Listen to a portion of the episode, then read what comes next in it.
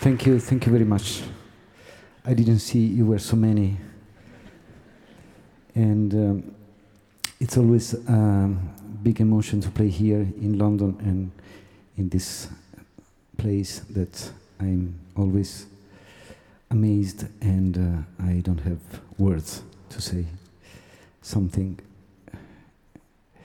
But I'm very happy and I'm glad you are here with me, with us. And I wish you a great night with us. Thank you.